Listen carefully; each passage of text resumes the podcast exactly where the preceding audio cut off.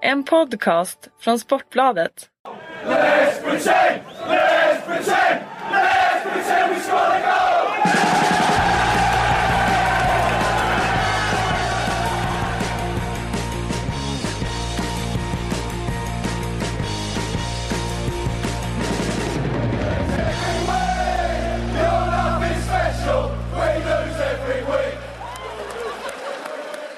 Vi hälsar hjärtligt välkomna till eh, Sportbladets Premier League-podd. Mitt namn är Patrik Syk, med mig har jag Erik Niva och Fredrik Jönsson som eh, hoppar in då när Kalle Karlsson är iväg på träningsläger tror jag. Turkiet Med- eller? Eh, Ja, det låter väl, det är väl tränings, träningslägerslandet nummer ett. Eller så har han typ dragit till Malaga. Jag tror Kalle Karlsson har bojkottat Turkiet av politiska skäl och styrt om det till en helt annan destination. Han är i Västerås. Exakt. Försökt Ja. hyra in sig på Arosvallen men tvingas konstatera att den hette något annat och är dyr nu för tiden. Ja. Ehm, jag tänker börja med att säga så här. Sju poäng. Eh, och sen så får, ja visst, ja, då får man ju den där rea- reaktionen utav Erik Niva därför att du kommer vi göra något som Erik tycker väldigt, väldigt illa om och det är att skriva upp eh, Tottenhams väldigt små chanser till att utmana om den här titeln. För det är ju onekligen så, eh, Chelsea förlorade mot Crystal Palace i helgen. Eh, Väldigt, eh, var ju chockartat nästan eh, hur Crystal Palace kunde lösa den uppgiften. Eh, och nu är det ju faktiskt så att Chelsea ska då imorgon möta eh, Manchester City och då kommer ju tanken, man måste ju tänka den, att om Manchester City slår Chelsea, vilket ju förstås kan hända, och Tottenham vinner mot Swansea, ja då är det fyra poäng som skiljer med åtta omgångar kvar att spela för de här två lagen. Ja. Det, det, vi, måste, vi, vi, måste ju, vi måste ju tänka den här tanken Erik. Jo, jo, men alltså mitt problem med den tanken är ju att jag vet varför den tänks och på vilka grunder den tänks och vad som blir konsekvensen ifall man sen ska tänka den hela vägen ut. Det är att den skräms upp för att det finns ett väldigt stort medialt intresse av ett titelrace för Ifall vi inte har något titelrace, vad ska vi då gå igång för? Så därför försöker det skapas ett titelrace. Och konsekvensen sen blir ju att när det i själva verket inte uppstår något titelrace, när Tottenham inte närmar sig överhuvudtaget, utan kanske snarare får kriga infernaliskt hårt för att överhuvudtaget försvara en topp 4-plats, så kommer det bli den här oerhört bakvända sammanfattningen. Oh, Tottenham bottled it again! Nej, det gjorde de inte! De gjorde en fantastiskt fin säsong ifall de till exempel klarar av en tredje plats. Och det är det som är mitt problem Ja. med hela Ja. den, det ingångsvärdet. Ja, ja, det, jag förstår det helt. Men tanken måste tänkas.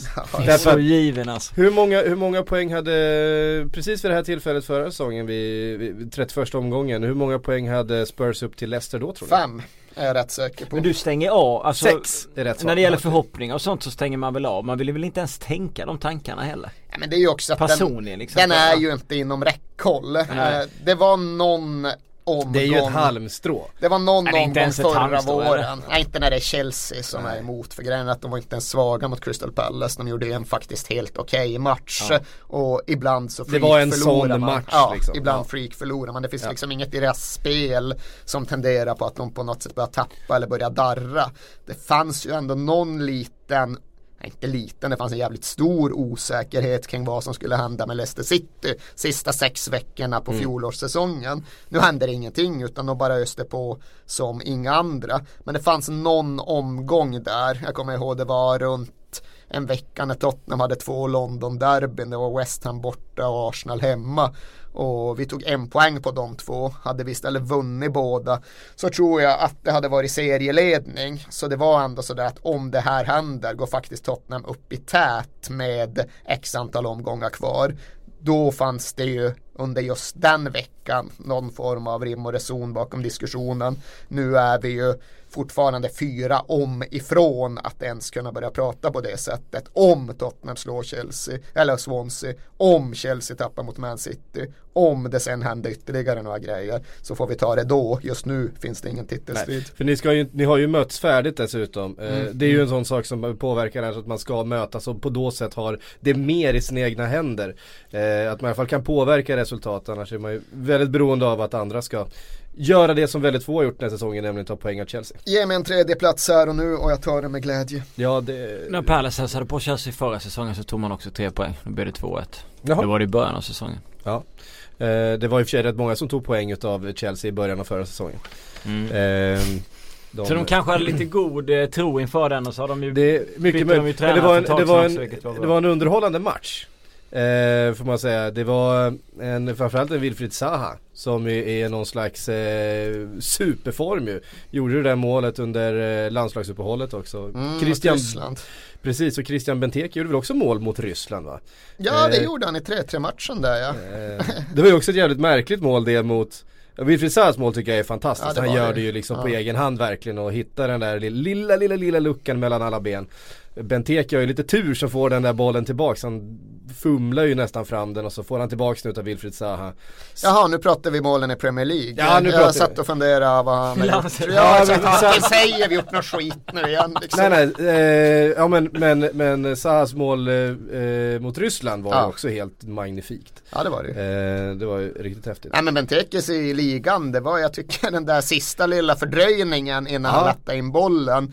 Det visar ju på en kyla eller ett självförtroende eller en arrogans i straffområdet som helt och hållet bedöms utifrån huruvida han lyckas eller inte. Ju, han avslutade det på samma sätt som han slår sina straffar. Liksom. Precis, jag, jag, jag tyckte det påminner väldigt mycket att det är så, det är så kyligt så att det är nästan, har liksom passerar en gräns. För att göra det i det läget när bollen faktiskt har väldigt lite tid på sig, det är mycket folk runt omkring och bara lägga ner eh, Courtois på det sättet och så chippar den sådär retfullt eh, in den i bortre stolpen. Eh, ja, det var imponerande. Och Crystal Palace, fjärde raka segern. Bara Ja. släppt in ett enda mål på de matcherna. Sarko-effekten som vi kallar den både här och i Liverpool. Det får vi nästan kalla den. Ja, han, har ju varit, han har varit väldigt, väldigt bra sedan han kom dit och var ju en av matchens bästa spelare då. Ja men tveklöst. Men hur känner man som Liverpool-anhängare när man konstaterar detta? Eh, ja alltså det känns ju, alltså man har ju ändå gett upp honom för att eh, Jürgen Klopp vill ju inte ha kvar honom. Han har ju brutit mot regler. Någonstans så handlar det väl också om för Jürgen Klopp att sätta sitt mandat i den här truppen. Att ja, men det kanske behövs en, en scapegoat för att alla ska ta de här reglerna som han har satt upp på riktigt allvar och förstå att sköter man sig inte och gör inte allt på träningen och håller inte alla tider, ja, då riskerar man faktiskt att, att bli bortpetad från laget. Fast man är startspelare, fast man är en stor investering för klubben. Så att det känns väl bra som att vi kanske kan få lite pengar för honom i alla fall om han Men det levererar. finns inte kvar den där reflexen att ja men låt honom bara komma tillbaks och spela bredvid en ganska följsamma tips så ska nog det här bli fullständigt ogenomträngligt. Ja det hade ju antagligen kunnat bli ett ganska fint backpar och det var nog tanken. Alltså, man ser den ju framför sig nu liksom med eh, Matip som defensivt som sagt väldigt följsam och Sakho med eh, allting han eh, bidrar med med inställning och, och eh, eh men också ganska fina uppspelsfötter. Ehm, så att, ja men det, det har man ju på något sätt räknat bort så att jag tror att eh, kan man använda honom som någon slags leverage i, eh, för nu kommer det antagligen handlas mittbackar även i sommar. Ehm, och då kan man väl eh, på något sätt få in lite pengar för Sarko och få in någonting annat kanske. Jag vet inte. Eh, samtidigt, jag gillar ju Sarko som person. Han verkar ju vara en, en genuint eh, trevlig kille när han inte missar tider och tar förbjudna preparat. Ja, Eh, så finns det ju någonting genuint och sympatiskt hos honom. det är svårt Eh, att, ja, inte om man, är man genuin när man tar förbjudna preparat? Nej men jag tänker det Fråga Kolo Touré. ja, ja, men det, det är ju svårt att tycka illa om Kolo Touré. Ja det är sant. När Celtic vinner ligan och han kör dansen. Ja, det är underbart. Ja, det är bra, bra swag i den också. Ja absolut. Ja. Ehm, Men Palace klarar sig nu då? Ja, alltså de har ju verkligen behövt sina poäng Ja, för med tanke på att både Hull och Swansea jag vet inte om jag ska säga att Swansea kommer med fart underifrån men de tar ju i alla fall en del poäng. Mm. Så hade inte Crystal Palace rada upp de här segrarna så hade det ju sett oerhört Ja. kritiskt ut för dem. Mm. Nu ser det ju ut som att ja, det blir ett race om den sista nedflyttningsplatsen och varken Hull, Swansea, Crystal Palace eller några andra har idag så svag form att man känner att äh, det är de som åker. Utan det är ju Sunderland och Middlesbrough och sen Ja. är det svårt. Ja, ja det är det verkligen. Ehm, Men jag tror inte det blir Palace. Nej, jag tror inte heller det. Jag tror, kanske, jag tror nog ändå att det kommer bli Hall. Eh, och jag tror kanske att Marco Silva eh, är en tränare som vi kommer få se i ett ett eh, lite större sammanhang till nästa säsong. Eh, han har gjort det väldigt, väldigt bra tycker jag. Ja, jag är inte Eh. alls säker på att de åker och jag delar ju uppfattningen att de har gjort det väldigt, väldigt bra. Innan Ja, vi... med tanke på hur läget såg ut när han kom, Ja, alltså det exakt. som verkligen var ett självmordsuppdrag så Ja. har han ju gjort det helt, helt sensationellt. Ja, Det får man ju någonstans säga om Paul Clement också för jag Ja, tycker att ja. deras utgångsläge var i stort sett lika uselt. Ja. Men innan vi fejdar iväg från Crystal Palace vill jag bara väcka frågan om huruvida Wilfried Zaha hade startat i ett engelskt landslag på nuvarande form. Ehm, ja, på bekostnad av eh, eh, Ja, vem skulle det vara då? Ja, det skulle vara på lite på hur man bekostnad formerar med sig Ja. Sterling. Eh, ja, jag tycker inte han petar en Sterling ur landslaget, det, det gör han ju inte men han, han han ska ju absolut in i diskussionen och med en sån, med, med skadorna som är nu till exempel på Adam Lallana och, eh, så finns det ju defini- definitivt ett argument för att han skulle kunna ta en plats där. Ja, alltså argumentet upphävs ju som jag hoppas att du är medveten om av att han Ja det är ju Att han inte kan. om. Nej Ja, exakt, precis, du att såg ju målet. bort, Nej ja. men det är ju intressant Ja, just att eh, han var ju engelsk landslagsman. De Ja. hade ju honom. Han Precis. var ju här i Stockholm och om jag inte minns alldeles fel till och med spelade några minuter när Zlatan Ibrahimovic gjorde fyra mål. Sen så blev det inget mer. Jag vet inte om man ska säga att det skar sig eller om det bara rann ut i den metaforiska ivorianska sanden. Men han eh, gjorde ju rätt och slätt ett A-landslagsbyte och spelar idag för Elfenbenskusten. Och det är ju kontroversiellt. Det finns många som tycker att det är ett jävla ideologiskt tvivelaktigt val. Men inga, helst, inga som helst problem med att till exempel Eric Dyer spelar för England snarare än spelar för Nej. Portugal. Eh, men sen är det ju också sportsligt intressant i och med att han nu börjar vara så pass effektiv och så pass spetsig i sitt spel att det verkligen finns ett case för att han mycket väl hade kunnat spela för England. Ja. Och hamnar man där så hamnar man vid just hela den här diskussionen kring hur England ska förhålla sig till sina dubbelnationalitetstalanger. Ska man försöka knyta upp Iwobi, Zaha, ja för den delen Raheem Sterling-figurerna. Han hade väl kunnat spela för Jamaica också såklart. Och hur man egentligen ska göra med det. Det är en diskussion som sannerligen inte Sverige och Arbeseneli-folket heller är långt borta ifrån. Nej, och den kommer verkligen. väl kvarstå. Men det kommer det hålla i sig för Zaha då?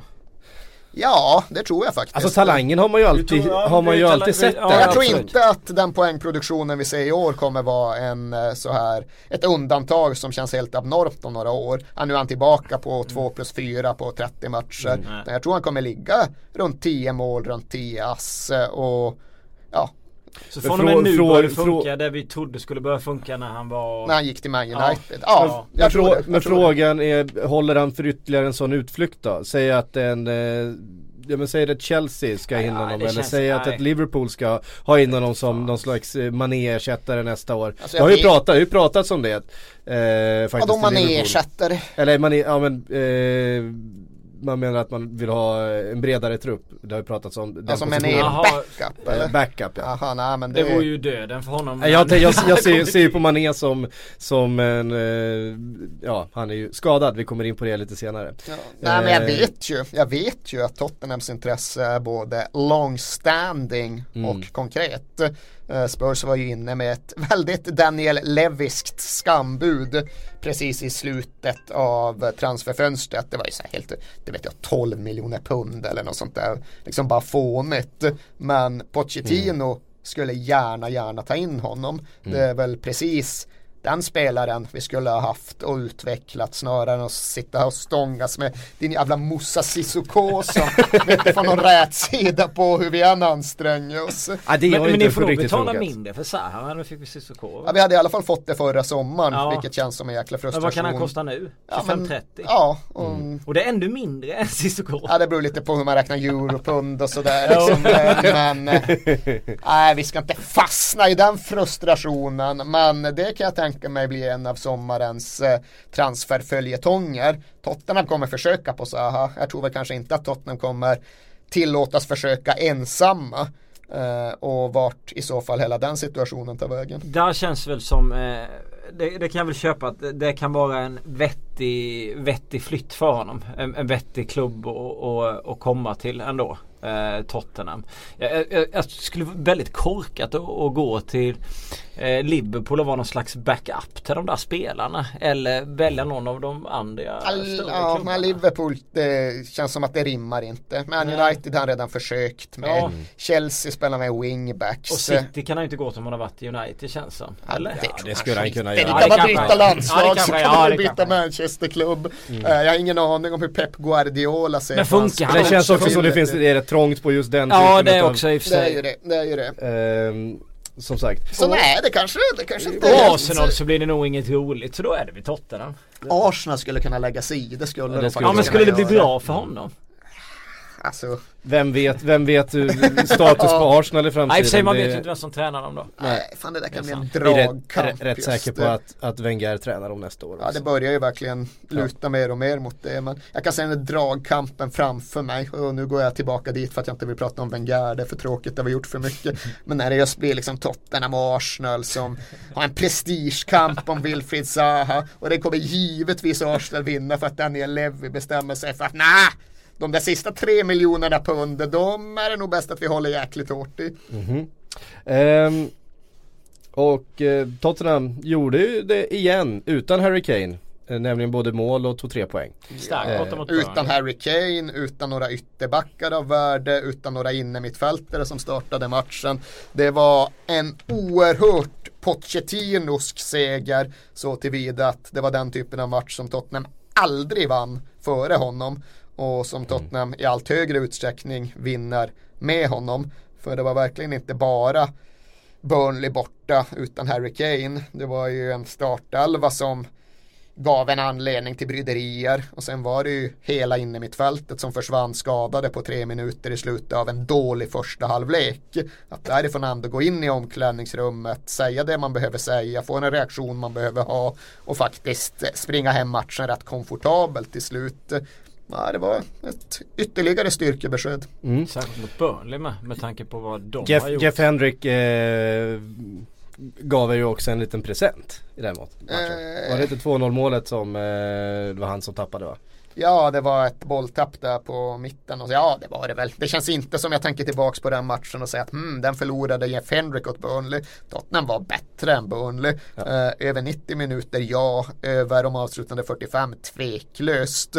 Och Burnley har ju alltid sitt spel och sitt bombardemang. Men de kom ju aldrig nära att hota Tottenham. Och det är ju ett eh, väldigt starkt betyg åt kanske framförallt mittförsvaret, eh, den förbättrade förtången, den så gott som felfria Aller Eld skyddade ju verkligen den ganska porösa Hugo Lloris matchen igenom. De försvarade mot Ashley Barnes snabbhet utan problem. De försvarade inläggen mot Vokes och eh, sa jag Ashley Barnes, Ashley Grays snabbhet och eh, Barnes eh, tyngd. Eh, så det var väldigt, väldigt bra defensivt. Mm. Ehm, och i eh, söndags så eh, spelade Manchester City som nu ska möta Chelsea imorgon. Eh, Manchester City mötte Arsenal i en ganska eh, ja, på, på något sätt ödesmättad match, inte minst för eh, Arsenal. Det var gott om protester och någonstans, min analys är det av det, vi har varit inne på det tidigare, jag och Kalle, är väl att Manchester City återigen eh, med hänsyn till det vi har pratat om tidigare, slarvade bort en seger. Det kändes som att City hade den här. Ja. Och som de har gjort ganska många gånger den här säsongen, liksom dragit ner på tempot, eh, försökt kontrollera, inte riktigt kunnat och istället då bjudit in motståndet när man försöker dra ner tempot och på Pep Guardiola-vis bara dominera, bara ha bollinnehav, spela runt, få mycket eh, Han ju inte passningar de sinsemellan på, han har inte på de spelarna mittfältet. för att kunna göra det. Han Han gjorde satt- väl satte Jaja för att göra Ja, just han det. satte Det ju- fattar du ju själv. Jag satt, jag alltså, sätter, jag- sätter in Yahya Touré, alltså i en match där som Manchester City verkligen har kontroll på känns som. De är mycket bättre, det känns som att Ja. det här kommer de springa iväg med ett par bollar om de bara Men det fortsätter ska så de här. ju vara mot Arsenal också. Ja, sätter in Yahya Touré, som, Touré som drar ner på tempot istället så bjuder man in Arsenal i matchen och så blir det 2-2, ett resultat som inte gynnar någon eh, i slutändan och även om eh, Arsene Wenger hävdar att det stärker dem moraliskt och så vidare och det, det ger ju vad jag vill Men för. City hade väl varit med hyfsat Eh, vad, Ja, vid tre poäng där så hade de väl legat 60, en va? poäng bakom Spurs va? Ja, Ja, något sånt ja. Ehm, Och då sådär. hade det ju varit relevant att se tillbaka på höstmötet mellan Man City och Chelsea och konstatera precis det du är inne på. Att varför släpper de upp motståndare med kniven mot strupen? För där hade de ju det där läget i matchen när de ledde med 1-0 i paus, när de går ut och är klart bättre i andra, där De Bruyne skjuter i ribban, Ribban, från ja, två det. meter och de på något sätt ändå lyckas tappa det till, blev det 1-3 till slut, Ja. Ja. sista halvtimmen. Skulle man ja. liksom vrida den poängfördelningen och istället ge Man City tre poäng för seger, beröva Chelsea på de tre poäng de fick och lägga till en Man City-seger i söndags, då hade det ju varit titelrace på riktigt. Då hade Mm. man verkligen kunnat prata om oh, små marginaler i slutändan ändå. Hade bara Och vi är inne på det här med Pep Guardiolas liksom fixidéer. Att det finns liksom, det, ju han, har ju, han, han har ju några principer som han har så oerhört svårt att, att eh, tumma på. Hur spelet än ser ut. Det är det här med uppspelen ifrån, eh, från backlinjen och från målvakten som alltid ska vara korta, det får aldrig tjongas. Och det är det här att man ska alltid dominera eh, mittfältet och man ska ha possession och man ska äga matchen på det sättet. Oavsett hur, hur, det- hur spelet ser ut om, om, före det. om du har varit tränare som han har varit i de klubbarna han har varit med de spelarna han Ja. har spelat och det han har vunnit så tror jag fan att han tror på sina idéer. Och det är därför vi får se de här sakerna dyka upp Men det, är ibland. så, men det, det, som är så, det som är så konstigt är att, att, han, att han ändrar, han, han sa ju själv att han var väldigt missnöjd efter första halvleken För att han tyckte att de hade alldeles för lite boll centralt eh, han, han sa det själv efteråt, han tyckte att första halvleken inte var bra från Manchester Citys sida En halvlek som är klart bättre än den andra för alla oss andra som tittar, eller? Jag, Ja. vet inte, vad, vad, jag, jag förstår inte riktigt hur han funkar Jag sitter nu och försöker dra den historiska parallellen och inser att jag är sårbar eftersom att jag inte kommer ihåg precis alla matcher som har spelat genom hela historien. Men är inte det här, Nu är jag lite besviken ja jag också, men det här känner jag väl inte riktigt igen. Att de just har matcher och sen ger bort dem. Det gjorde de väl inte i Bayern München, då körde de bara på och vann med 9-0 mot Ja, Ingolstadt. exakt. Nej, jag känner och inte heller igen att inte det är liksom, eh, Det är väl just ingenting som är genomgående. Det är Nej, det är inget någonting som har varit med Manchester City nu den här säsongen Ganska tydligt i flera tillfällen Ja, och när, när det bottnar väl med all säkerhet i det där med att ja, han vill ha kontroll, han vill känna att här dikterar vi matchbilden och den engelska fotbollen är ju mycket mer kaotisk och krockartad än framförallt den spanska av sin natur och det är möjligt att han är väldigt obekväm med den där känslan av slumpmässighet i matcherna. Den vill han eliminera. Nu ska vi verkligen ta greppet över det här snarare än att bara lita på att det kommer en rättstuds som går till Agüero och han kan vräka in bollen. Ja, det kanske finns något i det. Eh, men jag är inte riktigt klar med den tanken. Nej. Men att han tror på sina idéer och kör sina spår oavsett. Ja, jo, alltså, absolut. det har han ju alltid gjort. Det har vi ju sett i Champions League när han gjorde märkliga saker. Han struntade i att vila spelare som man tycker att man borde göra. Det fanns ingen kraft i benen på spelare. Man undrade varför han inte gör detta. Man tycker att det är liksom obvious. Som man sitter vid sidan av som någon slags lekman. Men så Mm. enkelt kanske det inte är. Nej det är klart att det är så. Ja. Men det är ändå, man, man försöker liksom ändå backtracka och vara efterklok. Ja det var så här han tänkte eller att man, det, det är så, jag tycker det är väldigt svårt att, att försöka fånga upp eh, just hur han har resonerat. Det tycker man, man brukar kunna göra i efterhand även om taktiken har blivit fel och utfallet inte blivit som, som tränaren i fråga har tänkt sig så brukar man ändå kunna tänka tillbaka så ja men det var nog så här han ville eller han förväntade sig att motståndet skulle ställa upp så här eller Ja men någonting. är vi inte där då just med det här att ja, han gjorde den här förändringen för att han ville ha större Ja. kontroll över spelcentrumet. Jag tycker väl jag tycker väl att det går att backtracka honom. Jag tycker däremot att han är väldigt svår att förutse. Just att eh, han eh, gör förändringar som man trots eh, sin empiri och sin pepp-erfarenhet inte riktigt klarar av att förutse. Sen går det väl att få ihop i efterhand ungefär hur han har resonerat. Men eh, ah, jag såg ju inte framför mig att han skulle köra Jesus Navas på högerbacken. Sen i efterhand, ja jo han skulle springa mot Alexis liksom. Det var tanken. Och ja jo det, det förstår jag väl någonstans tanken bakom. Sen är jag väl inte säker på att det blev sådär jättelyckat. Det var kanske inte Navas som var förklaringen till att Alexis var ganska blek. Eh, men jag kan väl få ihop det. Eh, däremot hade jag som sagt inte kunnat förutse det. Nej. Ehm, dagen innan så hade vi också ett Merseyside-derby. Eh, där det som, eh, det brukar göra när matcherna smällde ganska rejält. Eh, och Everton, det var någon som satte det här i en eh, historisk kontext på ett lite roligt sätt. Och nu kommer jag låta lite självgod som Liverpool-supporter då men det, det, det, får, Det är så, det är det får vi ta. det är så Eh, ni är. Det är så vi är, precis. Eh, nej men senast Arsenal vann på Anfield så har då Everton. Eller, Senast Everton vann på Anfield så har alltså eh, Blackpool eh, lyft sig från fjärde divisionen upp till Premier League, vunnit på Anfield och sen åkt ner till fjärde divisionen igen. Ja, det var ju Eh, någon sådär liksom, ja, Everton hoppas kunna festa som om det vore 1999. Och ja, där, det, därav för att det var senast de kunde festa. på Ja, precis. 14 gånger. Eh, Jag minns inte deras senaste, det, 99, vad, vad kan de ha haft för lag då? Det var inte så att Danny Cadamarteri och de, det var något det var före. ju Duncan Ferguson förstås. Det var fortfarande det. Det måste det ha varit. Eh, och ja, hade de mer? Ja, det står still nu. Ja, jag har ingen Ja, bild vi- av den matchen. Nej, jag har inte heller någon minne av den. Eh, Daniel Forsberg undrar ehm, Ross Carte Blanche Barclays pakt med domarkåren. Ehm, jag vet inte om ni kommer ihåg första mötet den här Jo, säsongen när han, eh, Small lite grann där när han, när han försökte sparka benen utav Jordan Henderson.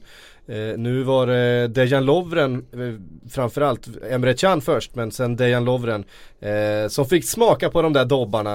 Eh, det är uppenbart att det är en Liverpool-lad som vet att det här eh, mötet är speciellt och att han blir lite, lite övertänd. Jag har ju sett det på en del andra Liverpool-spelare eh, och Everton-spelare genom åren. Det finns en Steven Gerrard och sådär som har Fan, han varit lite övertänd i just det här mötet. Eh, ja, nej men det, det finns väl någonting i att Gerard kom in och var övertänd. Och ja, han hoppade in tacklingar som var helt vanvettiga. Men någonstans skulle jag väl ändå säga att ja, han var liksom med övertänd och Barkley blir mer ful. Alltså han Ja. är ju han är ju ännu farligare. Han är mer cynisk, ja, alltså det är liksom, lite, eh, det är lite mer så liksom just höjda sulor och verkligen hänger kvar med Ja. fötter och Ja den på Dejan Lovren är ju stygg Ja alltså. det är den faktiskt, det är en legbreaker. Ja. Här, nu visar Fredrik Jönsson precis det laget. Ja, nu, Owen och Fowler i Ja, Liverpool. men, lite. kolla Evertons lag. Alltså, Jeffers. ja Francis Jeffers tror jag gjorde målet när jag tänker efter. Men det är alltså Abel Xavier. Ja just det. det Xa- alltså den jävla backlinjen. Eller om Xavier, sp- det är massa backar. Det är, men det är så jävla gamla backar. Det är alltså Abel Xavier, det är Michael Ball som spelar vänsterback antar jag. Och sen är det alltså innebackar med eh, Dan och Richard Gaff. Alltså Richard Gaff, den gamla. Stockholmsfödda skotten. Han var ju urgammal redan i VM 90 liksom. Han måste ha varit 47 år vid det här läget. Nej, är det ens den Richard? De gör, fy, de gör så 1-0 efter fyra minuter. Nick Barnby hittar fram till Francis Jeffers. Oh, det är. Det ju kvalitet. Överlöparen Nick Barnby som ju spelar Nej det är Campbell som gör målet. Det är alltså Kevin Barnby. Campbell. Ja. Kevin Campbell The ja. old war horse. Herregud alltså. Alltså Richard Gaff. ja, vilket, ja den där matchen börjar nästan krypa tillbaks till minnet nu. Redknapp, Ehm, Bayer, Precis. Owen, Fowler. Carragher, Hyppie. mm. Han var ändå bara 37 år Gaff. Alltså var han Ja, det? det känns som att Var det sista matchen han gjorde? Han, ge- Ja, efter Everton gick han till något som heter Northern Spirit. Vad fan är Northern Spirit? Låter som Australien eller något. Ja, jag tror att det kan vara det va? Det är en fantastisk match där. Ja. Jag Ja, vet inte ja. riktigt var vi var för någonstans. Nej. Men ni vet att han är född i Stockholm, en svensk mamma, Richard Gaff. Jag har ingen aning. Det måste vi hänga kvar vid. Ja, det kan vi göra. Ehm, Kan vara vi kan vi reportage- konstatera det i reportage- alla fall. Reportage framöver. Ja. Spelade Tillbaks till han, matchen. Nej, nej, nej. Spelade han mot Sverige i VM 90 är frågan jag ställer mig. Uh, det, Det då, då borde- var VM 90, då måste han ha varit då 26. Ja, det var Nej, ju 28. i sin prime liksom. Ja. Men tydligen, his international career was ended prematurely after he was critical of coaches Andy Roxburgh and Craig Brown and withdrew himself from further selection. Han han, han, han pensionerade sig från landslaget tidigt då. Han insåg sina begränsningar och så sket han i det. Han var bra Richard. Gaff, Tottenham Legend för fan.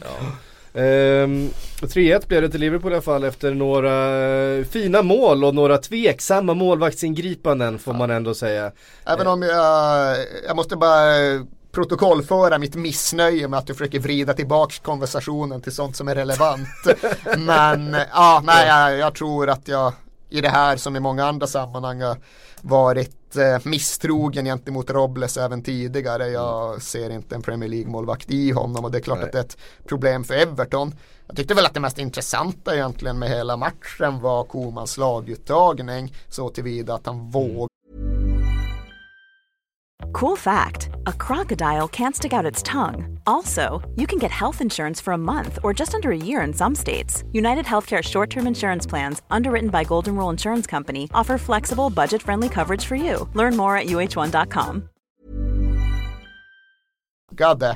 eller var dum nog att satsa på så väldigt mycket Det var väldigt oerfaret. mycket talang och väldigt lite erfarenhet. Ja, och Eh. liksom det var ju ändå de här, vad var det, Mirallas och eh, Ja, alltså det fanns ändå erfarenhet på bänken. Ja, det var inte ja, så att absolut. han var helt bakbunden och var tvungen att spela alla de här ungtupparna. Mirallas, Gareth Barry. Ja, och- just det, Gary apropå Man erfarenhet. känner väl att han kanske ville ändra någonting efter så många år utan vinst. Ja, jo, må så vara, men de hade ju ändå en de hade ju bra flow i ligan men jag har väl i och för sig alltid tyckt att den där uppryckningen har varit rätt mycket av en chimär. Bra mot Man City där vid jul tveklöst gav helt ny energi till deras säsong. Men därutöver har det ju varit en tacksam matchsvit som de har stått Ja. inför. Och när de väl har fått lite tuffare utmaningar så försvann de ju uppriktigt sagt både på White Hart Lane och på Anfield. Mm. Och det blir ju inget mer, det blir en sjunde plats at Ja. bäst för Everton. Och, Jag tror inte det blir något mer på, på Old Trafford ikväll heller. Det blir nog eh, jobbigt för dem. med Zlatan tillbaks va? ja det måste Ja. det ju vara. Ja. Det måste det ju vara. Eh, och det som eh, har diskuterats mycket efteråt också är ju Sadio Manés skada. Det befaras ju att det är en korsbandsskada. Det Ehm, det till och med. Jag hörde nu att det fortfarande var liksom svullet och att man trodde att han kanske skulle missa resten av säsongen. Men korsbandet alltså. Alltså det som, eh, det det som som- det har diskuterats, det har inte kommunicerats någonting egentligen. Det har, utan det, är- det är ju, är ju spe, spekulationer. Ja, Nej men det som är att han, just det att han kunde gå av plan själv.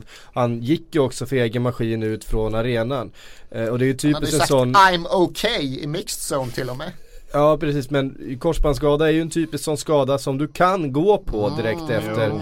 Ehm, och eh, ja, det, är det det eh, som vi som är pessimister eh, Kommer tillbaka om sju månader. Lost a yard of pace! ja, Det är ju precis det som man är lite bekymrad över. För att är det en korsbandsskada då missar han ju inte bara resten av säsongen utan då missar han hela försäsongen. Och kommer in någon gång i, ja vad ska vi tro då, oktober, november ska han in och börja spela fotboll igen. And that Eh. burst of explosivity. Ja och då, eh, vi vet ju alla hur korsbandsskador kan, eh, vad det kan göra med fotbollskarriärer. Så att det är ju minst sagt eh, oroligt just nu i eh, de leden. Eh, vi får se. Vi har som sagt inte kommunicerat sen vad det är men eh, han lär inte spela imorgon mot Bournemouth i alla fall. Det kan vi vara säkra på. Dåligt. Ehm, hörde ni, vi eh, tog ut en svensk Premier League-elva med svenskar eh, som har spelat där för eh, två veckor sedan eh, när vi hade förra avsnittet. Det föranledde en diskussion. Vad På- är man med? Eh, Edman var med. Han var det, bra Eh, skogen. Ja, eh, det var lite diskussion ifall eh, Erik Edman skulle spela där eller ifall vi skulle stoppa ner en Sebastian Larsson kanske på en eh, ytterbacksplats. K-mark var på andra ytterbacken då eller? Nej, Martin Olsson. Vadå så ni peta K-mark? Ja det gjorde vi nog. Det är ju helt befängt att, eh, ja, men faktiskt att Edman går före K-mark är ju helt befängt. Visserligen kanske K-mark helst vill spela på andra ytterbacken men det är klart att eh, ja men om ni kör Martin Olsson, körde ni två Men du vänsterbackar? får, du får möjligheten att, eh, att eh, göra om det här. Ja men då ni körde två vänsterbackar och peta K-mark. Eh, nej vi körde ju Sebastian Larsson. Ni flyttar Som- ner Sebastian. Sebastian Ja, Larsson det, på är, det är ännu mer sinnessjukt. Ja, nej, Ja, det här, det, du får ta upp det här med Kalle Karlsson. Ja, det, är han det- som är, det är han som är fotbollstränaren här. Så att, eh, Fan västeråsare bara hugger varann i ryggen. alltså, det är mycket ska jag ja, Det var helt bisarrt. Ja. K-mark ska ju absolut spela ytterback. Edman är ju faktiskt eh, överskattad i ett Premier League-sammanhang ifall han kommer med i en sån här elva. För även om han vräkte in ett mål på Anfield och även om han var bra under sina första säsonger i ett darrigt Tottenham så hände det faktiskt någonting med honom. Han fick en hjärnskakning uppe på Goodison i en match och blev aldrig sig lik igen efter det. Och sen flyttade han ju upp till Wigan, återvände till White Hart Lane, spelade för Wigan i matchen som blev 9-0 till Spurs. Och typ alla mål kom från Erik Edmans kant. Mm. Ja. Den var Eh, fruktansvärd. Ja, bara det måste ju faktiskt Det diskvalificera måste ha knäckt honom här. fullständigt. Eh, men det vi, det, det, vi, det, vi tänkte, det jag tänkte göra nu och det som då blev eh, frågan som kom ifrån Riku. Han undrar hur skulle en nordisk Premier League 11 klara sig mot en asiatisk eller en nordamerikansk? Rätt bra ändå min spontana känsla. Precis, ja men den skulle ju det. Ehm, jag börjar då med att eh, jag har då tagit ut en asiatisk 11. Eh, det här är, backlinjen är svår alltså. Det är svårt att ta ut en, en, en asiatisk Kommer backlinje. Yoshida med så har du problem direkt. Alltså Yoshida är ju med. Ja, nej det är, det är inte jättelovande. Nej precis, eh, jag har till och med flyttat ner en Jisung Park i backlinjen för att få med honom. Rollspelare alltså. Ja precis. Vem står i mål? Eh, Al-Habsi. Ja, såklart. Ja. Omans bidrag. Precis. Ben Haim Ja. eh, som, som back och sen har jag tagit Vi med räknar Israel till Asien alltså. Israel i Asien. Okej, Absolut. ja, okej, då vet vi. Ehm, det är väl bara i melodifestivalsammanhang som det är i Europa. Ja, så i fotboll skulle väl någon kanske invända att Ja. de brukar hamna De i brukar i europeiska sorteringar. Men Ja men de, eh, ja precis. Men jag tycker att det är Asien. Ja, okej, ja, det, okej. det är noterat. Ja. Ja. Men det är också för att vi ska få ihop den här jävla det, så, det finns inte så mycket asiatiska backar. Jag har till och med fått, eh, jag har fått att ta med Jihai, gamla citybacken, den kinesen. Eh, som spelade där, eh, ja mellan, ja vad kan det Sun vara? Jihai. Ja, Det var väl han som eh, de ljög in i deras Hall of Fame för att ha någonting kul att eh, visa upp när den kinesiska statschefen var på besök häromåret. ja det, det kan väl stämma. Jag är ganska säker på att det var så. En Ja. total jävla... eh, En dussinlirare Ja, ett som... totalt jävla svek mot allt vad idrottslig rättvisa stod för. Värre än att ha med Erik Edman i en eh, svensk drömelva. Han är i alla fall med i en asiatisk eh, drö- Vadå som drömelva. vänsterback eller? Nej, han får väl bli, eh, jag hade egentligen då tagit ut en, en, en trebackslinje för jag hittade liksom inte eh, Jong Pyong Lee, skojar du med mig? Jong Pyon Lee. Spurs, spelar vänsterback för Spurs, tog över efter Edman. Vi var tvungna att bli av med en jävla Atoba någonstans där i mitten också. Men sen tog vi en John Pyong Lee från PSV, alltså det PSV-lag som Ja, var det, det. senaste utanför de fem största europeiska Honom- ligorna. han- han Champions han har trillat ur min hjärna i alla fall. kan detta pågå? Ja men vi tar, vi, vi tar Han var bort bra. eh, vi Han tar, drog in folk från europeiska Israel. Ja just för han är inte inneback men ja, han eh, var och bra. då, då petar vi Jihai då. Eh, och sen har vi ett mittfält då som är lite mer eh, intressant. En, fyr, en, fyra stycken där vi har eh, Mkhitaryan till höger. Eh, Armenien tillhör. tillhör Asien. Okej, okej. Är, nu, eh, nu får du ge dig. Det är väl bara, nu, ja, de är med i Melodifestivalen möjligtvis men, men visst fan är Armenien Asien? Alltså de spelar ju tveklöst i Europas e- kvalgrupp. Det är Europeiska konfederationen. ja, utan tvekan. Alltså. Sånt. Ju till Jag- Danmark och slår eh, det landslaget med fyra på parken. Ja, det, det ligger i alla fall i Asien. Hur, hur de eh, delar upp världen, Ja. det, det bryr jag mig inte om. Du har egna gränser. Jag drar egna gränser. Men vi får ju få ihop den här. Eh, centralt så har vi eh, Kagawa, förstås. Han var ju inte bra i Man United, men det är bra, bra. spelare så Ja. visst. eh, Eh, och sen så stoppade jag in eh, Ki bredvid honom som ju inte är eh, någon toppspelare men som har varit bra. Swansea Eh, Key alltså. Swansea Ki ja. Han är väl helt okej. Och eh, jag hade lite svårt men en Oden Wingi är ju född i Uzbekistan. det, är, det, fan det var inte lätt där kan jag säga. Eh, men en Benayoun förstås måste ju in på ett sånt mittfält. Israelkvoten igen alltså. In Israelkvoten igen ja, så att då, då skickar vi ut honom på vänster. Eh, och sen har vi ett eh, anfall då med Okazaki och Jong Son. Eh, ja, det känns ju som att du har missat någon men det är svårt Det är att ta. att jag har. Ja, svårt att ta dem så här från top of one's head. Vi- Förutom, förutom det att jag inte har tagit, att jag har tänkt världsdelar utifrån så Ditt som jag ser huvud. världen. Ja. Eh, och inte utifrån hur Fifa har delat upp den. Eh, det kanske jag kunde ha gjort men det har jag inte gjort. Det finns för fler japaner alltså. Så, det fanns ju ja, de här Inamoto och vad hette han? eh, Den lilla killen som var uppe i Wigan och vände och hamnade i Holland från Arsenal. Eh, Ja, eh, eh, Rio Ja exakt, Mi- Miyachi. eller Ja precis. Eh, ah, de var väl okej. Jo, fanns- jag har en bubblare här också som kanske skulle in egentligen i anfallet och det är ju Hakan Şükür spelade ju faktiskt, eh, han kommer ju från den asiatiska sidan utav Turkiet. Eh, Asiatiska sidan av Turkiet. Då har du ett rätt stort urval. Då är väl alla de här Tugay och de eh, aktuella för spel. ja det borde de väl vara. Eh, men ska de in då? Ja, alltså. Hakan Şükür spelade ju nio matcher för Blackburn. Det är ju också just definitionen, har de varit bra i Premier League eller har de varit bra någon Ja det är annanstans ju det, är ju det. men karriär? någonstans så får de ju varit bra i Premier League. Men det, vi kommer få problem med det i nordamerikanska laget sen också. Så att Men i det, så fall kan du börja jassa alla ryssar öster om Ural också ifall du ja men hur kvotar in. många är det då? Ja det är inte jättemånga, de är Nej. inte jättebra heller. Jag, jag var nämligen där och, och, och googlade lite också, försökte hitta några ryssar som har varit bra. Arshavin är ju från Sankt Petersburg Ja, så han är inaktuell. Pavlychenko kommer från någon bondhåla långt ut i landet. Så Ja, men har- han var ju bra i tre matcher liksom. Ja, gjorde ju... Ja. Han gjorde ju fyra mål på sina fyra första touch eller något sånt där, sen gjorde han inte så mycket. Nej, han Hur var dålig var speciellt De. Jaga i eh, Fulham? Ja, han var väl, eh, han skulle kunna gå in i den här han diskussionen. jätte- Diaga, Diaga var, var också med i diskussionen här men han blev petad utav Key. Ehm, Men... Eh, Nakata var ju på lån någonstans här också. Ja, det var en Bolton va? Ja. Som alla andra. mm, Ja, ifall man ser till så här liksom career achievement så måste ju han med. mm. Måste väl finnas fler iranier också. ja det var därför jag började googla på Iran och hittade De Jaga. Han, eh, ja. Ja men det är i alla fall vårt alltså, eh, nordamerikanska elva då. Oh. Eh, den är inte lika strukturerad här men vi ska försöka få. Målvakter finns det ju gott Målvakter finns det hur många som helst. Någonstans vill jag stoppa in Brad Friedel där för att jag gillar Brad Friedel. För han har, han har haft sådana matcher som har varit helt jävla omöjliga att göra mål på. Men det är väl Tim Howard som ska in där.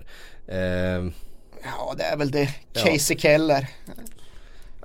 Nej, nej. jag accepterar. Accepterar Ehm, utfallet.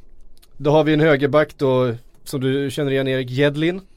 DeAndre. Ja, Ja, då är det ingen vidare konkurrens Nej som det är han ju inte in. det. Det, är vi, vi, det har varit rätt knepigt här igen. Dra ner John Harks är mitt snabba råd. Han kunde spela högerback. Ja okej, där kanske vi skulle göra det istället då. Sen har vi en Ja, eh, det tycker jag. eh, Mittbackar har vi Wes Morgan förstås, eh, i Nordamerika, det är ju ändå Jamaica. Ja, det är den Han är ju- konfederationen, det är det ju.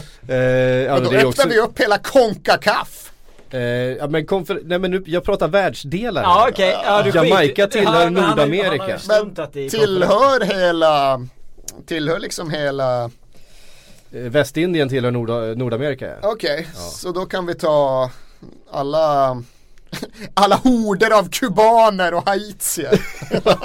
ja men vi har en Dwight York som kommer in lite, det är honom som du är ute efter. att- Ehm, och eh, vi har då, eh, det blev eh, tre stycken mittbackar här. Boca Negra eh, och Kan eh, spela ytterback. ja, han får spela vänsterback då. Och eh, en Oguchi Onyevo var ju en sväng då i England före han var nere och brottades med Zlatan i, eh, i Milan.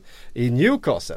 Finns var det han inte och- bättre än så? Alltså känns amerikanska mittbackar måste vi väl ha haft? Nej alltså det? jag, jag har haft, jag har googlat. Fan, jag har vad- googlat och googlat. Eh, det finns surt. säkert, är, det finns de som är bättre än eh, vad jag är på att googla. Eh, men vi har ett mittfält då som är lite roligare där vi har en Raheem Sterling ute till höger för han är faktiskt född på Jamaica. Ja, då kör vi födelseorter alltså. Men vi får ju fan, vi får Fan, ju, det är men det, vi måste ju kriterier. gö- göra det lite, det, det, Men vad fan så här kan du väl inte göra? Du kan ju inte bara ta han och köra han i det här laget, det är ju helt befängt. varför då? Han är född på Jamaica. Men man kommer inte spela för Jamaica. Nej det är klart Där han går inte du ändå över en gräns som är helt sjuk. Det är precis som att eh, ta... Eh... Richard Guff i det svenska drömmen. Ja exakt, det funkar ju liksom Ja men det gör vi i sådana fall. Nej sluta. Ja, du är ute på, Ja. på tunn is. Ja, ja, ja vad fan, ni får se vad fan ni vill. Det var Eh, okej vi har- innan ett tag men där gick det över gränsen. Vi har centralt eh, mittfält med eh, Landon Donovan och eh, som ju var på lån till Everton i ett par Mm. vänder. Eh, och Clint Dempsey. Oerhört obalanserat. Ja det blir väldigt, väldigt, väldigt, väldigt eh, offensivt och sen så har vi då John Barnes ute till vänster som då också Alltså, din är kvotering är ju helt född, född på Jamaica.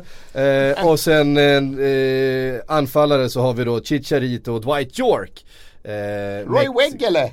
Va? Roy Weggele måste få speltid. Måste han det? Ja, alltså en genuin amerikan. Men just om man räknar in folk som är födda i Västindien Och då måste det finnas ett ett annat- oerhört stort urval. Födda men spela i ett annat landslag. Ja. Då skulle du kunna plocka liksom Sturridge, är han född på, nej han är inte Nej. född på Jamaica va? Nej. Men nej, det finns, det finns gott om spelare där ute. Mm, Nej men det är inte så många fler utav eh, kvalitet faktiskt som är födda på Jamaica. Det är, är John Barnes, Raheem Sterling. Nej. Eh, Wes Morgan är väl till exempel inte född på Jamaica ens Nej, utan han är är han född i inte. England. As- Eh, men men spelar för... Så därför tycker jag nästan att Sterling och John Barnes är, är mer med på det här eh, laget än, eh, än vad Wes Morgan är. Nej, jag tycker Nej. de underkänner hela laget faktiskt. Ja. Ja, det är vi, absolut. Och sen hade vi en nordisk elva som skulle in där då. Shit vad tiden springer iväg här. Men jag tyckte det här var, det här, tyckte det här var svårt. Ja, det här är ju men- därför som det har blivit så här. För att jag, jag känner att jag, Men nu tänkte du bara peta både Weggele och John Harks helt okommenterat. ja. Eh, De har inte funnits med överhuvudtaget i diskussionen. Det är ju katastrofalt. Ja men stoppa in dem då. Det, jag, vi, Harks drar vi ner på högerbacken och sen petar vi dina expats och låter Weggele utgå från en ytter, gå in och göra några överstegsfinter. och så slänger vi in, vem då på, istället för John Barnes då? Eh, på, ja men då får vi flytta ut uh, Dempsey eller Donovan på en naturlig position och någon jävla boll vinner. Får vi köra Jeff, Alltid då får eller? vi köra Jeff Cameron bara därför. Ja. Eh, ja, och sen skulle vi då ha en nordisk elva, det är ju lite, lite lättare. Vem har vi i mål då? Ja, det är ju, Schmeichel det är ju Schmeichel, det finns ju liksom ingen annan. Finns det ingen som är född i Sverige men har spelat någon annanstans? Ja, vi var ju inne på en! Gaff. Jag hade ingen Var- aning varför kom inte Owen Hargreaves med?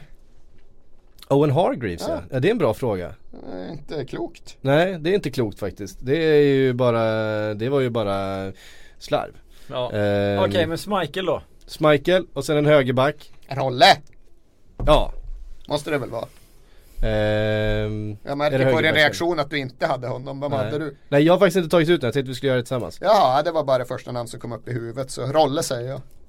Ja, varför inte. Sen mittbackar, eh, Hyppie ska väl vara där. Ja, det tycker jag Eh, väl. Mellberg. eventuellt. Ja, Före finns- Hangeland till exempel.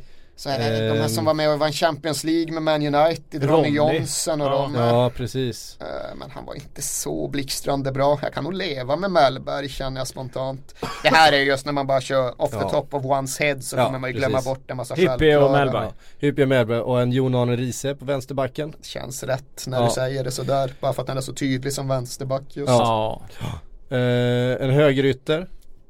Christian Eriksen kan få tassa in. Ja det kan han, Han kan få absolut tassa in göra. från vänster också i och för sig. Vi får se vad vi har med. Ja. Ljungberg vet jag ju att folk blir Ja, sur om man inte säger. Ljungberg Borde inte, till de ha, vänster. borde inte de ha varsin kant? Ja, så. Jari Littmanen ska ju in centralt. Ja, då måste vi ha mycket mer bollsamlande mittfältare bredvid honom. Mm. Eh, Stefan Schwarz. ja, han var ju inget bra i Sandel. Han var väl okej i Arsenal. Eh, Vi ska ha Littmanen och men det är också just, blir det på så här ca- career achievement eller blir det på avtryck i Premier Ja. League? Det är ju frågan liksom, det är ju I en ytterekvation så ska ju på allvar Anders Limpar med i alla jo, fall. jo, jo. Men eh, ja. Sen- Littmannen, Limpar, Eriksen och Ljungberg. Ja, det, går jävla ju så, mittfält. det går ju såklart inte. Och Limpar gjorde ju uppriktigt sagt, han gjorde ju sina bästa insatser innan det blev Ja. ombrandat i Premier Claes League. Ingesson. Just, eh, Han var väl sådär i Chef Wed. Eh, Jesper Blomqvist vann Champions League men gjorde inget jättestort Nej det avtryck. gjorde han inte. Det, man först, ja det var kul när han spelade men ibland undrar man varför han var med. Vilka är de bästa norrmännen egentligen? Solskjaer såklart, men vad finns Flo. det mer? Ja, jo. Flo var bra i Men vi har inga, Chelsea. Jo. mittfält, vi har inga mittfältare liksom. Ja, alltså Öyvind Leonardsen, han var ju nyttig men han ska väl inte ändå ha en plats i en elva. Nej. Uh, Har vi några fler finnar? Nej. Det är ju Hyppie. Teemu Taini och spelade i 5-1 matchen Tottenham Arsenal. Bara det merits a place. Jeskelainen ska väl in på en andra spade där. Ja, det, det var finska målvaktsundret där några år när de Ja. hade så här tre, fyra startmålvakter i Premier League. Ja, Anton helt och allt vad de hette. Men på topp då blir det Solskär och, Ja, det och Zlatan. Ja. Ja, det är om inte Henke Larsson ska... Ja, Henk, ja. Nej men Henke Nej. kommer ju inte med på något. Zlatan har ju både större karriär och större avtryck i Man United. Så det Ja blir det är klart, nej det är istället för Solskär då i så fall men det är klart Jaha, att Solskär Nej, ska vara där. Måste Ja, det är mycket bättre. Herregud. Det går, det går ju att pressa upp Littmanen på topp och i så fall säga att Solskjaer åker där men då är det ju just bara Då spelar karriär. 4-3-3. Ja, jo, no, Ajax, eh, Ajax där Littmannen får diktera i Ajax. Eh, Det känns som att man har glömt något väldigt självklart. Så här, Brian Laudrup, hur värderar man Brian Laudrup utifrån den här kontexten? Ja det är väldigt, eh, väldigt bra fråga. Det är Han klart att är på career, på career achievement så Exakt, ska han ju in före alla än, eh, Men- utom Zlatan i stort sett. Eriksen har gjort mer i Premier League, det har han Mm. faktiskt. Eh, ja, jag tycker du måste staga upp Finns kriterierna lite grann. Mölby och Ja, det men han spelar väl knappt Premier League. Han spelade Nej. bara Old First Division liksom. ehm, Men han gjorde det bra. Ja, ja, ja, så det finns något mål han gör. Kan det vara mot Norwich hemma? Det känns som att det kan vara mot Norwich hemma. Mycket Han möjligt. får bollen liksom allra längst ut i hörnet av straffområdet. Det kommer en studsande mot honom. Och det är en sån oerhört ren träff med eh, precis där vristen övergår i insida. Det går som en jävla missil upp i bortre krysset på de Koppe. Eh, kan det vara 89 kanske? Fantastiskt jävla mål. Vilken bollträff han hade. Mhm. Eh, Jesper Olsen var i Man United ifall vi ska skruva tillbaks klockorna före Premier League. Men det ska vi nog inte. Ehm, vi kan väl ändå konstatera att en nordisk elva vinner eh, i ett sånt här... Mot de där eh, lagen, ja. En här Ja det beror på ditt John, tre ja. John Barnes Det beror på hur många du Nordamerika. plockar Ja, från, ja, från Jamaica. Och, dopade Nordamerika Ja. där, de, är- de är ju helt okej också i och för sig. Ehm, Ja, ja, ni får göra som ni vill med de här älvorna kära lyssnare. Ja, Ta det- gärna ut fler. Ja, den är Eh, så här lagom öppen just för att det ska väcka reaktioner. Det är ju då man får reaktioner. Mm. Är när man varit så luddig att folk blir förbannade på Ja. att kriterierna är fel. Exakt. Eh, jag har inga som helst problem med det. Jag, jag hade en halvtimme här att försöka få ihop några älvor så att jag inte skulle bara ställa er eh, helt, eh, eller sätta er helt på pottan när ni kom in här och skulle sitta och försöka fabulera fram asiatiska cent, eh, alltså mittbackar. Eh, ja, jag fick ju ha någonting. Jag tar några frågor före vi stänger för eh, idag. Um, Victor Ulander undrar bästa smeknamnet på en Premier League-spelare. Psycho Pierce och Carlton Cole Can't Control är pers personliga favoriter. Eh, och det är väl inte så jättegott om eh, bra smeknamn. Det brukar ju vara nidramser från motståndare i sådana fall. Men Psycho Pierce är ju en, eh, Ja, nej, en klassiker. Den är ju bra alltså. Den sitter ju där den ska sitta. Ja. Jag gillar ju alla Bobby Robson genererade smeknamn. Det här att Bobby Robson mot slutet inte längre hade någon aning om vad han spelare hette och struntade i vilket också. Bara liksom få hitta på namn till så här Carl Court-figurer. Han eh, kallade väl också konsekvent Carlton Palmer för Calvin Plummer. Och det gjorde att jag blev svag för att just Carlton Palmer skulle heta Calvin Plummer. Så jag nämner väl det som en outsider. Var, eh, jag gillade ju han eh, som tränade Fan nu kommer jag inte på vad han heter. Som tränade Newcastle som kallade Johan Kabaj för kebab. Och, och han kallade ju eh, Kinnear. Ja Insomnia. Eh, Ja, Charles Nzogby. Ja, ja, kallas för nej, Insomnia är han, var, han var ju fantastisk. Joe Kebab. Joe Eh, Kinnear Men det var ju inget smeknamn, det var ju för att Joe Kinnear inte Bryr sig. The man don't give a fuck Riktigt alla korvar på grillen kanske. Tobias Eriksson eh, undrar hur mycket kommer klubbar ta efter den lyckade Kanté-typen på centralt mittfält med extrem löpkapacitet? Alltså hur mycket letar klubbarna efter en, en Kanté eh, just nu tror ni? Eh, med just för den där spe- specifika rollen. Jag tror att det finns någonting i att den kravspecen i mycket högre utsträckning kommer att utgå från Kanté än den har utgått från Makelele i Mm. alla dessa år. Det kommer inte längre vara så att bollvinnaren är statisk, patrullerar en 20 meters yta mellan mittcirkel och eget straffområde. Utan det kommer förväntas finnas en mycket större aktionsradie. Eh, så ja, på så sätt tror jag att det är en Men det är intressant. relevant fråga. Ja. Men jag tror Att att, en sån är här väl... succé får den inverkan på hur, hur eh, klubbar scoutas. Jävligt om det under Silly med att eh, den klubben letar efter en ny, alltså det här kan Ja. vara ny, alltså Ja, men det är ju inte helt lätt att hitta. Han är ju Nej. verkligen unik Kanté. Leicester Ja. försökte ju med det redan de tog in han, han jag kommer inte ihåg vad han hette, hette han Mendy? Han de tog in som den nya Kanté just, som knappt får spela. Eh, De spelar typ Eldar Martin när de ska ha en bollvinnare. NDD menar du? NDD. ja. Nej jag menar inte honom, jag menar honom de tog in i somras. Sen tog de in NDD Ja, som alltså han, konsekvens ja, av jag att han jag inte tänkte, funkar. ja okej jag fattar först. Ja, jo det gjorde Ja, de tog ju absolut just in det, någon ja. dude från franska ligan som skulle vara den nya Kanté och som Ja, jag tror det, hette ja. Mendy. Eh, Men som sagt, Men så var- lyckat var det, så lätt var det att Var hitta en lika. ifrån? ja, någon av de lite mindre franska klubbarna. Nu ska vi se här så att jag inte bara sitter och hittar på. Nampalys Mendia, också bara 1,68 lång, kom från Nice och var lyckad i Nice. Men mm. Bara för att man är en kortvuxen spelare så blir man inte en Golo Kantene. Det skulle vara ett Mendy från Monaco istället. Det ja, jo, det hade, ja, säkert som innermittfältare också. Han hade kunnat vara överallt. Han är inte så liten i och för sig va? Nah. Nej. Henrik, Henrik Hermansson vill att vi ska prata om Luke Shaw. Som ja, trots... Nu skulle han ju tydligen vara tillbaks i truppen mot Everton. Ja, Clear alla... the air talks med Mourinho. som trots alla skador. Någon som någonsin har gjort rensat luften förutom Zlatan då kanske. Ja, det påstås ju vara så. Ja, han, han, har ju tyvärr fått den där som eh, någon spelare i alla Mourinho-lag verkar få, den hackkycklingsrollen. Eh, jag vet inte, var, jag vet inte var, varför han gör så här, eller ifall det är en slump att det, det liksom blir så. Jag väljer ofta en spelare och, och eh, hackar på denna på olika sätt. Eh, och eh, Luke Shaw, trots alla skador eh, och trots alla liksom, eh, spelare som varit avstängda och så vidare så har han ju inte ens fått sitta på bänken. Ehm, och ja, vi får väl se för han, hur länge han blir kvar i den här klubben. Men om du säger, så du säger, han kanske finns med då i, ikväll. Ja, det är de senaste uppgifterna som jag såg fladdrade förbi i alla fall. Och... Men det är också de är än för länge för vaga och för icke entydiga för att jag ska kunna dra några slutsatser. Vi har också hört sådana saker som att eh, han är liksom så långt ifrån resten av truppen rent fysiskt. Mm. Att han är så ofitt och så eh, på fel ställe både mentalt och fysiskt. Att han liksom inte är ens uttagningsbar. Ja men det är ju ändå ett omdöme eller en beskrivning som ändå har återkommit från flera Mourinho. Att han tycks vara svårtränad. Och det är lite märkligt för när han kom fram så det är inte så att han såg ut som ett fysiskt fenomen men han såg ju ändå ut att ha lite sådär Gareth Baleska egenskaper mm. i att det fanns liksom en 200 eller en 400 meters löpare där i. Uh, nu verkar det inte vara så utan det är ju fler coacher än Mourinho som beskriver honom just som Van var ju det var bland det första han sa när ja, han kom till Manchester United. Exakt, exakt. Uh, så det finns nog någonting i att hans kropp inte är särskilt lättränad, inte särskilt lätt uppbyggd. Och det är klart att det är ett problem i synnerhet som den där rollen som ytterback alldeles oavsett om det är ett 3-5-2 eller 4-4-2 kräver en allt högre arbetskapacitet för men, varje säsong. Med facit i hand är det ju fantastisk försäljning.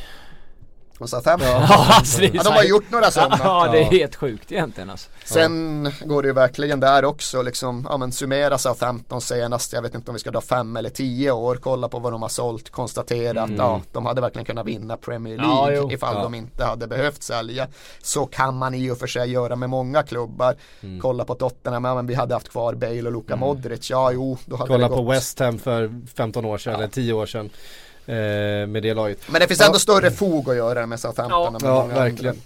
Sista frågan då före vi stänger. Gabriel Augesson vill att vi ska lista smygfula spelare. Alltså spelare som inte ses som fula men som ändå är det. Jag kastar in Deli Alli direkt. eh, för det är fan med, han, han, är fan med definitionen av en smygful spelare. En spelare med, med mycket så teknik och, och, och flär och spelar vackert och en, eh, som också är en jävla fuling. Ja, Ross eh, Barkley på samma Ross, kvot men Ross det har blivit mer han, han, han, han, ja, det ser man han, är mindre och mindre smyg. Ja men Dele Alli är väl inte så mycket smyg heller är han det? Nej inte längre. Nej men det försvann väl definitivt mot West Brom där förra våren när han ändå klappade till Jakob i magen. Ja. Och det är ändå ett år sedan. Sen dess har den där skämttacklingen som, ja, som är, var ganska svår att smyga med och en hel del annat. Har vi några andra vi vill stoppa in där som uh, smygfula? Alltså alla argentinare, just nu nämnde jag Claudio mm. Jacob, han är typ Agüero är, är, en smygful jävel. Finns i alla argentinare, det vågar jag ta med tusan påstå. Alltså, eh, inklusive till och med Leo Messi, det finns där någonstans i, det är väl det de själva Jag skulle kan. kasta in en Pochettino där. Ja! Han är, en, han är en tränare för att han, man ser ju ibland att han har skickat ut sina spelare med en order om att det ska smälla. De kallar det väl Picardia Argentina eller något i den stilen, den där småfulheten. Ja, ja, alltså, vi hade ju en det, han var definitionen av småful. Spurs värvade en ytterback från Ipswich för 15 år sedan som hette Mauricio Taricco. Såg ut som en sån här kerub liksom. Såg väldigt änglalik ut. Extremt smygful. Så är den typen som hade, den kommit fram i Estudiantes på 60-talet. Där han haft med sig nålar ut på planen och stuckit dem i folk. Han var definitionen av den smygfula Premier League-spelaren. Även om han inte är Men föredrar man det framför Rojo och bara flyger rakt ut med dobbarna före? Alltså i grund och botten så gör man väl inte Rojo det. är dum i huvudet. Ja, Det är ju skillnad på att vara dum i huvudet och vara ful. Ja, men liksom. själv, Alltså, så ja, det finns, det kommer man in på en diskussion som någonstans kommer kantra över lite grann och tangera allt det här med filmningar hit och dit. Just vad är man uppvuxen med? Hur värderar man fotboll moraliskt? Och är det verkligen bättre med benknäckeri än med filmningar? Nej, det är det väl inte. Men det finns ju någonting i ens skandinaviska fostran som har närmare till förståelse för den idiotiska tacklingen än knappnålen i ryggen på någon när domaren inte tittar. Men just när det handlar om argentinarna, där kan jag nästan just känna en beundran inför att de har gjort det till en konstform över så många decennier och just eh, fått in det i precis alla produkter av sin fotbollsskolning. Att det spelar ingen roll hur mycket bollartist du är, du har det ändå i dig Ja. någonstans. Hörrni, det var allt vi hann den här tisdagen. Tack Erik, tack Fredrik för att ni kom hit. Eh, tack eh, kära lyssnare för att ni har lyssnat. Och vi är tillbaks om en vecka igen.